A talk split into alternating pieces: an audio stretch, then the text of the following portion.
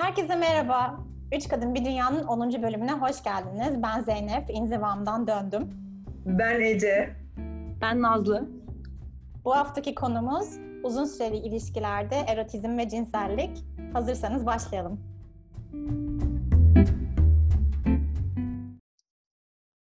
Size uzun zamandır bahsettiğim bir kitap var biliyorsunuz. Esther Perel'in Mating in Captivity kitabı kitap beni çok etkiledi ve çok katmanlı ve üzerine konuşacak çok şey var. Ben konuyu bir soruyla açmak istiyorum size. Sizce erotizm ve seks arasındaki fark ne? Ee, tamam. Ee, oklar beni gösterdi sayın dinleyicilerimiz. Ee, bana erotizm biraz daha süreç odaklı geliyor. Yani böyle biraz daha içerisinde oyunlar barındıran, hafif flört de barındırabilecek ve süreç odaklı bir his veriyor, kelime anlamı çağrıştırıyor diyeyim. Ee, seks tanımlayamayacağım şimdi. Bu kadar evet, çünkü evet. sekste de süreç var. O yüzden kendimle çelişeceğim ama benden bu kadar. Evet Nazlıcığım sen de söyler misin? Bir zahmet. Ee, Önce seni gösterdim parmakla çünkü senin cevabına bakarak kafamda bir cevap uydurmaya çalışıyordum. İlk cevabım çünkü ay bilmiyorum olacaktı. Ee, ikinci cevabım daha derinlikli. Sanırım erotizm daha bir duyguyu tanımlıyor. Yani mutlu olmak, üzgün olmak, kızgın olmak gibi. Hani o duygu yelpazesinde bir duygu gibi sanki. Ee, seks ise sanki bir aksiyon. Evet. Biliniz. yani, şöyle ben biraz sözlük tanımına da baktım. Ee, kitapta bunu çok güzel tanımladığı bir yer vardı Perel'in. Orayı bulamıyorum maalesef. Ama temel fikir şu. Erotizm cinsel istekle ve heyecanla ilgili bir şey. Eros var ya hani tanrı. Hani oradan gelen böyle bir aslında daha hikayeleştirilmiş birazcık daha katmanlı bir şeyden bahsediyoruz. Seks dediğimizde tabii ki birçok farklı insan birçok şeyden bahsediyor ama daha çok bence o hani mekanik tarafından bahsediyoruz genelde. Yani erotizmle seks arasında öyle bir fark var. Ya bu kitap bu tip şeyler açısından çok enteresandı. Ben kendime daha önce hiç bu soruyu sormamıştım mesela. Erotizmle seks arasındaki fark nedir gibi bir soruyu. Ee, 31 yaşındayım ve kendime hiç sormamıştım. ee, ama Esther Perel'in çok enteresan bir profili var. 20 senelik çift terapisi deneyimi var ve çok farklı demografilerle çalışmış birçok temel fikri var. Ben daha önce TED konuşmalarını da izlemiştim, bayılmıştım. Bir tane podcast'i var, Where Should We Begin diye, nereden başlayalım diye. Ve bu podcast'te gerçek çift terapisi seanslarının kayıtlarını ve Esther Perel'in yorumlarını dinliyorsunuz. Ve onun fikirlerini bu kadar sevince kitabını da okumaya karar verdim. Ve Esther Perel'in temel fikirlerini şöyle bir özetlemek istiyorum size şimdi. Bir önce şunu söylüyor. Diyor ki artık günümüzde ilişkiler için tek bir doğru yok. Çok farklı ilişki tipleri var. Mesela ilk evliliklerin %50'si boşanmayla sonuçlanıyor. İkinci evliliklerin %65'i boşanmayla sonuçlanıyor. Aldatma oranları çok yüksek. Aslında birçok kişi evlenmeden beraber yaşıyor. Evleniyor ama farklı ülkelerde yaşıyor. Evlenmeden çocuk yapıyor, evleniyor, çocuk yapmıyor. Gerçekten tabii ki buraya heteroseksüel, homoseksüel ya da farklı cinsiyet ifadelerini de kattığımızda daha da zengin bir resme dönüşüyor. Ama diyor ki yani 21. yüzyıl aşk hikayelerinde gerçekten artık tek bir doğru yok. Ve çiftlerin içinde bulundukları durumlara, isteklerine, ihtiyaçlarına göre kendileri için doğruyu bulmaları gerekiyor diyor. Burada benim e, ilgimi çeken ilk evliliklere nazaran ikinci evliliklerin boşanmayla daha yüksek oranda sonuçlanıyor olması bana bu enteresan geldi. Yani çünkü benim en azından düşüncem, yani bu istatistiği duyana kadar insan özellikle boşandıktan sonra ilişkide ne bekliyor, e, partnerinin nasıl bir e, partner olmasını istiyor dair daha net bir resim olur diye düşünüyordum. O yüzden ikinci evliliklerin daha fazla boşanma oranını barındırması garip yani enteresan geldi. Ama şey de olabilir tabii ilki daha zor olup bir noktadan sonra eh bu da yürümüyor. Zaten ilkinde yani o kadar da zor olmadığını görüp daha çabuk da vazgeçiyor olabilir tabii bilmiyorum.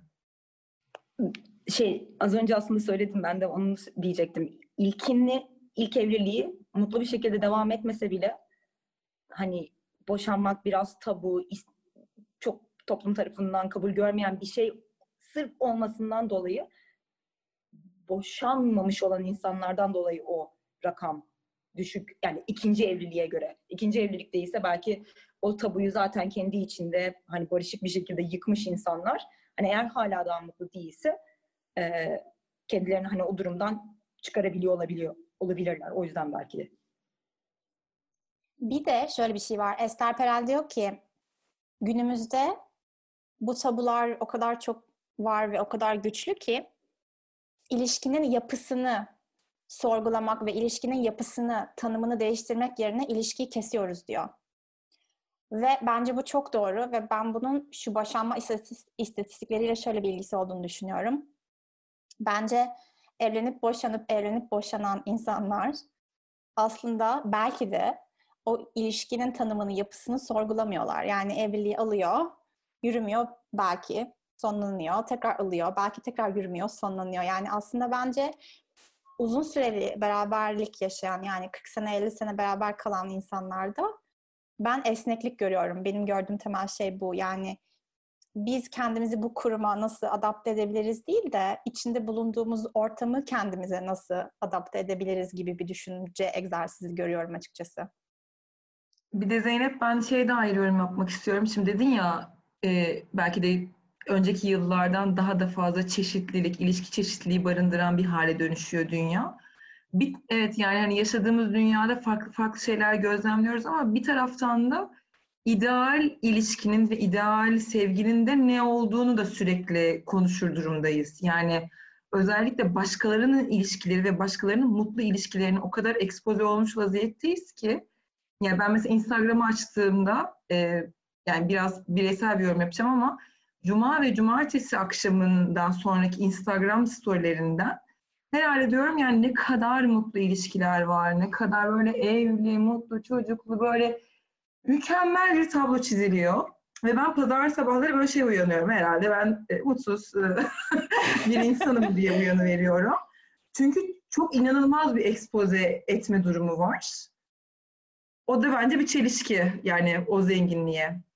Evet. Bir de Esther Perel'in çok sevdiğim şöyle bir e, kritiği daha var. Diyor ki evlilik eskiden yani evlilik ilk ortaya çıktığında tamamıyla ekonomik bir kurum. Nasıl ortaya çıkıyor? Ben ineklerimi ve şu iki dönüm arazimi kime bırakmak istiyorum? Yani mal varlığım kime gitsin? Ama son yüzyılda biz evliliğin içine aşk ve sevgi getirdik. O yüzden şimdi evlenirken kimi seviyorum diye soruyoruz. Ee, ve o bir kişiye yani hayatımızın işte sonuna kadar olmaya, beraber olmaya söz verdiğimiz o bir kişiye çok beklenti yüklüyoruz. İstiyoruz ki aşık olalım, çok sevelim. O bize aşık olsun, çok sevsin. En yakın arkadaşımız olsun, sırdaşımız olsun, bizi en iyi tanıyan kişi olsun, bizi en çok destekleyen, bir yandan tabii ki erotizm olsun, cinsellik olsun, çok büyük bir tensel çekim olsun. Büyük maceraları beraber yaşayalım, büyük heyecanları beraber yaşayalım. Sonu yok yani. Hani ben bir de bunu sosyal medyada çok görüyorum. En yakın arkadaşım, sırdaşım, dostum, eşim, böyle her şeyim ve kadın da şunu diyor yani hangi hangi ilişki, hangi iki insan arasındaki ilişki bu kadar beklenti arasında çalkalanmaz diyor. Yani bu beklentilere de biraz kritiği var. neler neler. Yol arkadaşım, çocuğumun babası, işte yani, yani her türlü anlam var. Ve de diyor ki uzun süreli ilişkilerde birçok engelle karşılaşabiliyoruz. Mesela beraber oluyoruz, sonra beraber yaşamaya başlıyoruz. Sonra çocuk sahibi oluyoruz. Belki ilk yıllardaki heyecan geçiyor. Burada şöyle komik bir şey varmış. Çiftlerin arasında ilk iki sene e, hormonal denge daha çok heyecana yönelikken iki sene sonra birazcık daha sarılma hormonu yani birazcık daha böyle kendini huzurlu hissettiğin bir hormonal dengeye e, dönüşüyormuş. Bütün bunlar aslında uzun süreli ilişkilerde birer engel ve e, bunu erotizme geri bağlayacak olursak diyor ki şöyle bir tutum görülüyor bazen insanlarda. Yani cinsellik varsa var yoksa yok. Hani ya var ya yok ama ben o cinsel ortamı ya da o erotizmi yaratmak için yapabileceğim bir şey yok. ben birine artık istek duymaz hale gelirsem artık istek duymuyorum, yapacak bir şey yok deyip hani insanlar havlu atıyor diyor. Ama bu erotizmin içindeki heyecan, istek gibi duyguları aslında yaratabilirsiniz ya da o duyguların ortaya çıkması için gerekli ortamı yaratabilirsiniz diyor. Mesela insanlar ilişkilerde şöyle bir şöyle bir kontrast var diyor. Biz biriyle beraber olduğumuzda, aşık olduğumuzda, sevdiğimizde hem istiyoruz ki çok güvende hissedelim, çok yakın hissedelim, bir olalım, bir takım olalım, beraber olalım, böyle iç içe geçelim yani neredeyse. Hem de istiyoruz ki bireyselliğimizi koruyalım, ayrı olalım, ayrı hayallerimiz olsun, istek duyalım ama istek duyabilmek için o kişinin bizden ayrı olması lazım. Çünkü sende olan bir şeye istek duyamazsın. Dolayısıyla bu iki farklı çok böyle temel güdüyü dengeleme çalışması aslında ilişkiler diyor. Yani sağlıklı bir şekilde erotizmin, güvenin, il, e, iletişimin sağlıklı bir şekilde devam ettiği ilişkilerde yapmamız gereken temel çalışma bu kontrastı var olmasına izin vermek, bu tansiyonu yaşatmak, yaşatmaya devam etmek diyor. Ben onu e, nehir metaforuyla özetliyorum mesela kendim ilişkilerde. Yani benim ayrı bir nehrim olacak. Partnerimin de ayrı bir nehri olacak. O nehir ara ara birleşecek. Yani kesişecek bizim böyle o nehrin kolları. Sonra tekrar ayrılabilecek. Yani o ayrılabilecek e, alanı da sağlamak gerekiyor. Öbür türlü çok birbirine benzeyen ve birbirine benzedikten sonra da çekilmez hale dönüşebilecek bir hal alabilir o ilişki. Çünkü insan kendine çok benzeyen bir yapıyı da çekici bulmayabiliyor bence. Evet, aynen öyle. Son bir şey daha, iki şey daha söyleyeyim sonra size yine açayım yorumlara. Bir de tabii ki ihanetlerden bahsediyor, aldatmaktan ama aslında bence sadece aldatmaktan değil, ihanetin çünkü farklı tipleri var. Yani e, diyor ki, mesela şöyle komik bir örnek vardı hikayede. Mesela diyor bir kadın hayal edin diyor. Ee, bu kadın evlensin, boşansın, arada ilişkileri olsun, tekrar evlensin, tekrar boşansın. Yani diyelim ki 50 senelik uzun bir sürede birçok farklı insanla beraber olsun. Sonra başka bir kadın hayal edelim. Bu kadın 50 sene tek biriyle, tek bir kişiyle evli kalsın ama bir gece bir ilişki yaşamış olsun biriyle. Biz bu iki kadın arasında o bir gecelik ihaneti yapan kişiyi taşlıyoruz, çok eleştiriyoruz. Nasıl olabilir? Yani nasıl evlilik kurumuna bunu yapabilir diyoruz. Ama aslında öteki tarafta zaman içerisinde farklı farklı insanlarla bir şeyler yaşamış olan insanın hiç yanlış bir şey yapmadığını düşünüyoruz diyor. Yani böyle enteresan kontrastlar veriyor ve diyor ki aldatmalar ya da ihanetler uzun ilişkilerde yaşanabilir, olabilir. Çünkü iki farklı insan farklı şeyler istiyor, farklı şeyler, e, çocukluklarından farklı travmalar, farklı öğrenmişlikler getiriyor. Bunları birbirine ya da kendisine bile ifade edemiyor olabilir. Ama bu ihanetler birer kırılma noktası iken o kırılma noktalarında illa ilişki bitecek diye bir şey yok. İlişkiler aslında daha da güçlenerek o ihanetlerden aldığı acıyla ya da o acıdan öğrenilen şeyle devam edebilir diyor. Ve de e, bütün danışanlarına dönüp dönüp sorduğu bir soru var. Bu soruyu size şu an sormayacağım. Çünkü podcast'te buna cevap veremezsiniz. Ama... Sor. Bu arada Zeynep bir şey söylemek istiyorum. Bence bizi dinleyenler biraz evvel erotizmi nasıl tekrar canlandırırızı da merak etmiş olabilirler. Oraya hiç dokunmadık. Dokunayım. Aslında söyleyeceğim şey oydu. Şunu ya da sorunu sor, bilmiyorum. İkisi aynı şey şunu soruyor e, Esther Perel'in temel sorusu. Diyor ki seksin ve cinselliğin ve erotizmin sizin için anlamı ne? Ve diyor ki bu soruya herkes farklı bir cevap veriyor olabilir. Bazısı sevgi ve aşk bulur. Bazısı heyecan ve macera bulur. Bazısı yakınlık ve paylaşım bulur. Bazısı böyle kendini unutup kendinden öteye öteye bir yere, daha başka bir düzleme geçebildiği bir yer olarak deneyimler erotizmi diyor insanın, bireyin önce kendine bu soruyu sorması. Yani seksin, cinselliğin, erotizmin benim için anlamı ne? Ben ne arıyorum diye sorması. Ve kendi ilişkisine ya da ilişkilerine de bu bilinçle gelmesi gerekiyor diyor. Ve de bu bir. İkincisi yani soracağım soru ya da sormayacağım soru şuydu yani sizin için anlamı ne? Seksin ve cinselliğin. Ee, bir de şunu söyle bu az önceki kontrastı anlattım ya yani hem bir olma isteği hem ayrı olma isteği erotizmi yaşatan şeylerden biri olarak bunu anlatıyor ya da temel şey olarak bunu anlatıyor. Yani eğer çok iç içe geçer tamamen bir bütün olursanız istek orada barınamaz. Dolayısıyla e, o senin anlattığın şekilde Ece yani o nehrin aralarda birleşip aralarda açılabiliyor olması gerekiyor. Her gün uyandığınızda partnerinizi yeni biri olarak görmeniz lazım diyor. Yani partnerinizi artık tanıdınız, bildiniz, bu kişi aynı kişi, yıllardır tanıdığım kişi diye düşünmeye başlarsanız orada heyecan ve istek barınamaz diyor ve ilişkinin yolculuğu boyunca ortaya çıkan, ortaya çıkacak olan engelleri de e, birer bence öğrenme deneyimi ya da hani ilişkinin büyümesi için bir fırsat, ilişkinin gelişmesi, derinleşmesi için bir fırsat olarak görmeye davet ediyor bütün danışanlarını. Bence bu da e, kritik noktalardan biri. Ben o her gün tekrar bambaşka bir insanla beraber misiniz gibi olma düşüncesini çok tuttum bu arada. Çünkü e, bence özellikle uzun süre ilişkilerde insanların düştüğü hatalardan biri o güvenli liman hali gibi hissetmek karşı tarafı. Yani e, kabaca bir tabir olacak ama e, elinin altında hissediyorsun ben hissedebilirsin. Bence o bir risk. Ama ben işte orada en büyük zaten varsayım karşı tarafın hangi realiteyi yaşadığını hiçbir zaman bilemiyor olmak. Yani çok garanti gördüğüm bir insan e, daha dün başkasına bir şey hissetmiş olabilir ya da dün senin bir davranışına çok kırılmış ve artık aynı insan olmayabilir ve sen hala onu o yani örnek veriyorum 12 senedir berabersin ve bir 20 sene daha beraber olacaksın gibi bir garantide görmüyor olman lazım ki de şeyde tut, e, zinde tut. Bir de ben bunu ben bunu ilk nerede okudum hatırlamıyorum. Bayağı birkaç sene oldu. İlk Esther Perel'de görmedim ve bu fikir beni de çok etkilemişti. Ben bunu arkadaşlık ilişkilerimde de yapıyorum. Mesela sizle de yapmaya çalışıyorum. Mesela ben sizi 6 ayda bir görüyorum genel olarak. Yani ortalamaya vuracak olursak herhalde 6 ayda bir görüyorum. Ve 6 ay baktığında insan ömründe çok uzun bir süre. Yani o 6 ayda neler olmuş olabilir ve hani Ece ve Nazlı bugün kim? Hani her her buluştuğumuzda insanlarla, sevdiklerimle yapmaya çalıştığım bir şey. Bence romantik ilişkilerin de ötesinde aslında pratik edilebilecek bir şey o.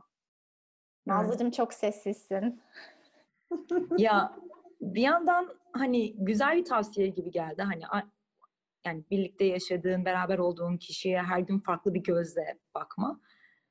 Bir yandan da yani tabii benim içimden Nazlı olarak yani ne kadar gerçekçi sorusu hani kafamda oluşan bir soru yani. Bilmiyorum ne kadar gerçekçi.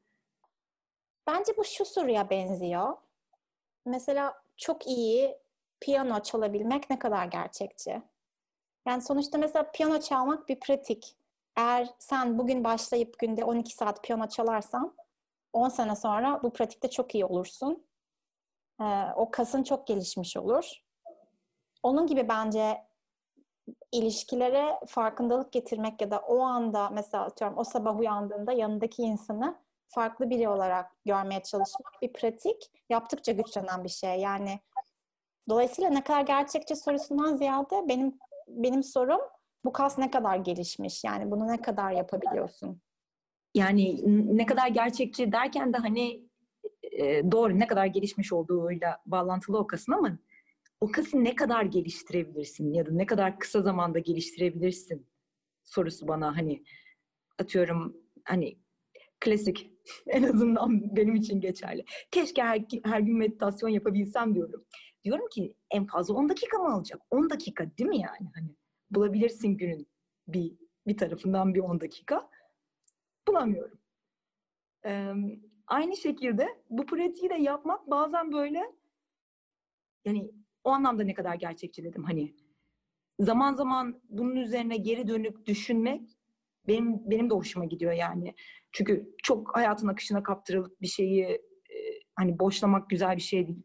Ama her gün, her gün, her gün günlük telaş arasında e, bunun üzerine düşünmek de sanki gerçekçi değil gibi geldi. Nazlı bu arada senin bu düşüncene şöyle bir şey e, katacağım. Daha bugün dinlediğim bir podcast'ti. Bu yeni yıl resolution'ları ile ilgili aslında neden yeni yıl hedefleri başarısız oluyor diye bir psikolojiyle ilgili bir podcast. İnsanların süreçte başarısız olduğunu hissediyor olmasındaki temel neden e, hep ya da hiç perspektifi diyor. Yani Sen diyorsun ya her gün 10 dakika meditasyon. Yani belki her gün yapamayacaksın ama yaptıklarının yanına kar. Her zaman gri tarafta kalacak. Dolayısıyla belki her gün o adama ya da kadına e, bambaşka bir insan gibi bakmasan bile belki de ara ara ne bileyim restorana çıktığında bile bambaşka bir sohbet kurarak bir şeyleri en azından tohum ekebilirsin. Bence bunu Nazlı biliyor çünkü Nazlı bunu birkaç hafta önce yazdı. Bu yeni yıl hedefleriyle ilgili konuşurken Nazlı söyledi bunu. Hani ya, ya, ya hep ya hiç olmayın diye. Belki şöyle bir soru da olabilir Nazlı. Hmm, senin bu soruyu sormana, bu pratiği yapmana ne yardımcı olacak? Mesela Ece çok güzel bir şey söyledi. Belki e, diyelim ki sevgilinle haftada bir yepyeni bir restorana gitmek ve o restorana giderken hiç giymediğin bir şey giymek. Yani atıyorum şu an tamamen ama yepyeni bir kıyafetle ya da yepyeni bir havayla o yemeğe, o date'e çıkmak belki senin onu yeni görmene yardımcı olacak. Yani hani bu böyle kuru kuru sandalyede otururken karşındakini nasıl yepyeni görebilirsin değil. Yani o o alanı, o ortamı, o duyguyu o duygunun ortaya çıkması için sen nasıl bir hazırlık yapabilirsin gibi bir soru var. Tam da aslında yani bunu demek demeye çalıştım. Hani bunun güzel bir şekilde uygulanabileceği ya da hayatına kolay e, e, adapte edebileceğin yöntemler olabilir. Mesela Ece'nin söylediği evet o bir, yeni bir restorana gittiğinde hani farklı bir gözle bakmak bence hani insanın yapabileceği bir şey. Hatta onu e, hani ateşleyebilecek bir şey. Ama her sabah uyandığında ki ben sabah Taktı sabaha ya. Ben, ben Yapabilsem zaten neyse. Hani o gerçekçi değil demeye çalıştım. Evet hani evet. Yoğun o şey. gerçekçi değil. Bu arada her gün meditasyon da yapma Nazlı. Ee, bu benim zararlı zararlı her gün yapma. Yapamıyorum zaten. ya şöyle zararlı bak bu bence benim fikrim. Her gün meditasyon yapman gerektiğini düşünmek zararlı ve bence böyle bazı şeyler e, dile dolanıyor. Mesela şimdi bütün dünya diyor ya herkese sürekli her gün meditasyon yapın diyor. Ya yapamayan ne yapacak? Yani o insan kendini kötü hissediyor. Bugün de meditasyon yapamadım. Ve o böyle bence faydalı bir şey olmaktan çıkıp zararlı bir şeye dönüşüyor. Ben uzun bir süredir seninle bu konuyu konuştuğumuzdan beri senin sözünü düşünüyorum. Yani hani ya hep ya hiç olmak değil. Ne kadar? İki dakika yapabiliyorsan kardır yani. Ayda bir e, sevgilini yeni görebiliyorsan e, 10 sene yeni görmemekten daha iyidir bence. Böyle şey gibi olabilir bu. Neydi? 5000 bakımı gibi her 5 yılda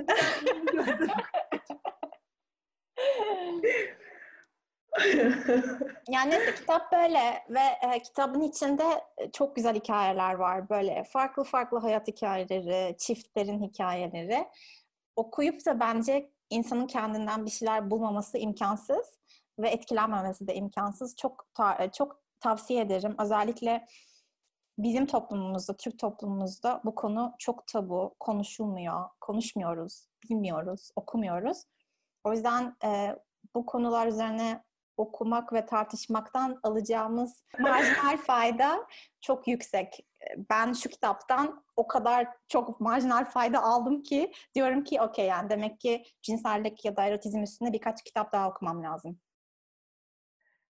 Zeynep TED Talk'ı da bu kadar etkili mi? Bu arada önermeli miyiz? Ben dinlemedim çünkü. Bence etkili ama Esther Perel'in izlersen göreceksin çok değişik bir kişiliği tutumu var. Bazı insanları bence biraz itiyor. Beni itmedi. Ben çok seviyorum. Ama çok e, cesur, çok net, çok direkt. O yüzden TED Talk'u itebilir biraz. Ama kitapta tabii ki o yok yani. Kitap sadece hikayelerle dolu. Yani kitapta ana fikirler var ama sürekli ona danışana, danışmaya gelen insanların, çiftlerin hikayeleriyle dolu. O yüzden daha hayatın kendisini görüyorsun kitapta. Bu arada kitabın Türkçe ismi de Tutsak Cinsellikmiş. Süper oldu bunu paylaşman. Çok teşekkürler. Ben bakmamıştım. Rica ederim.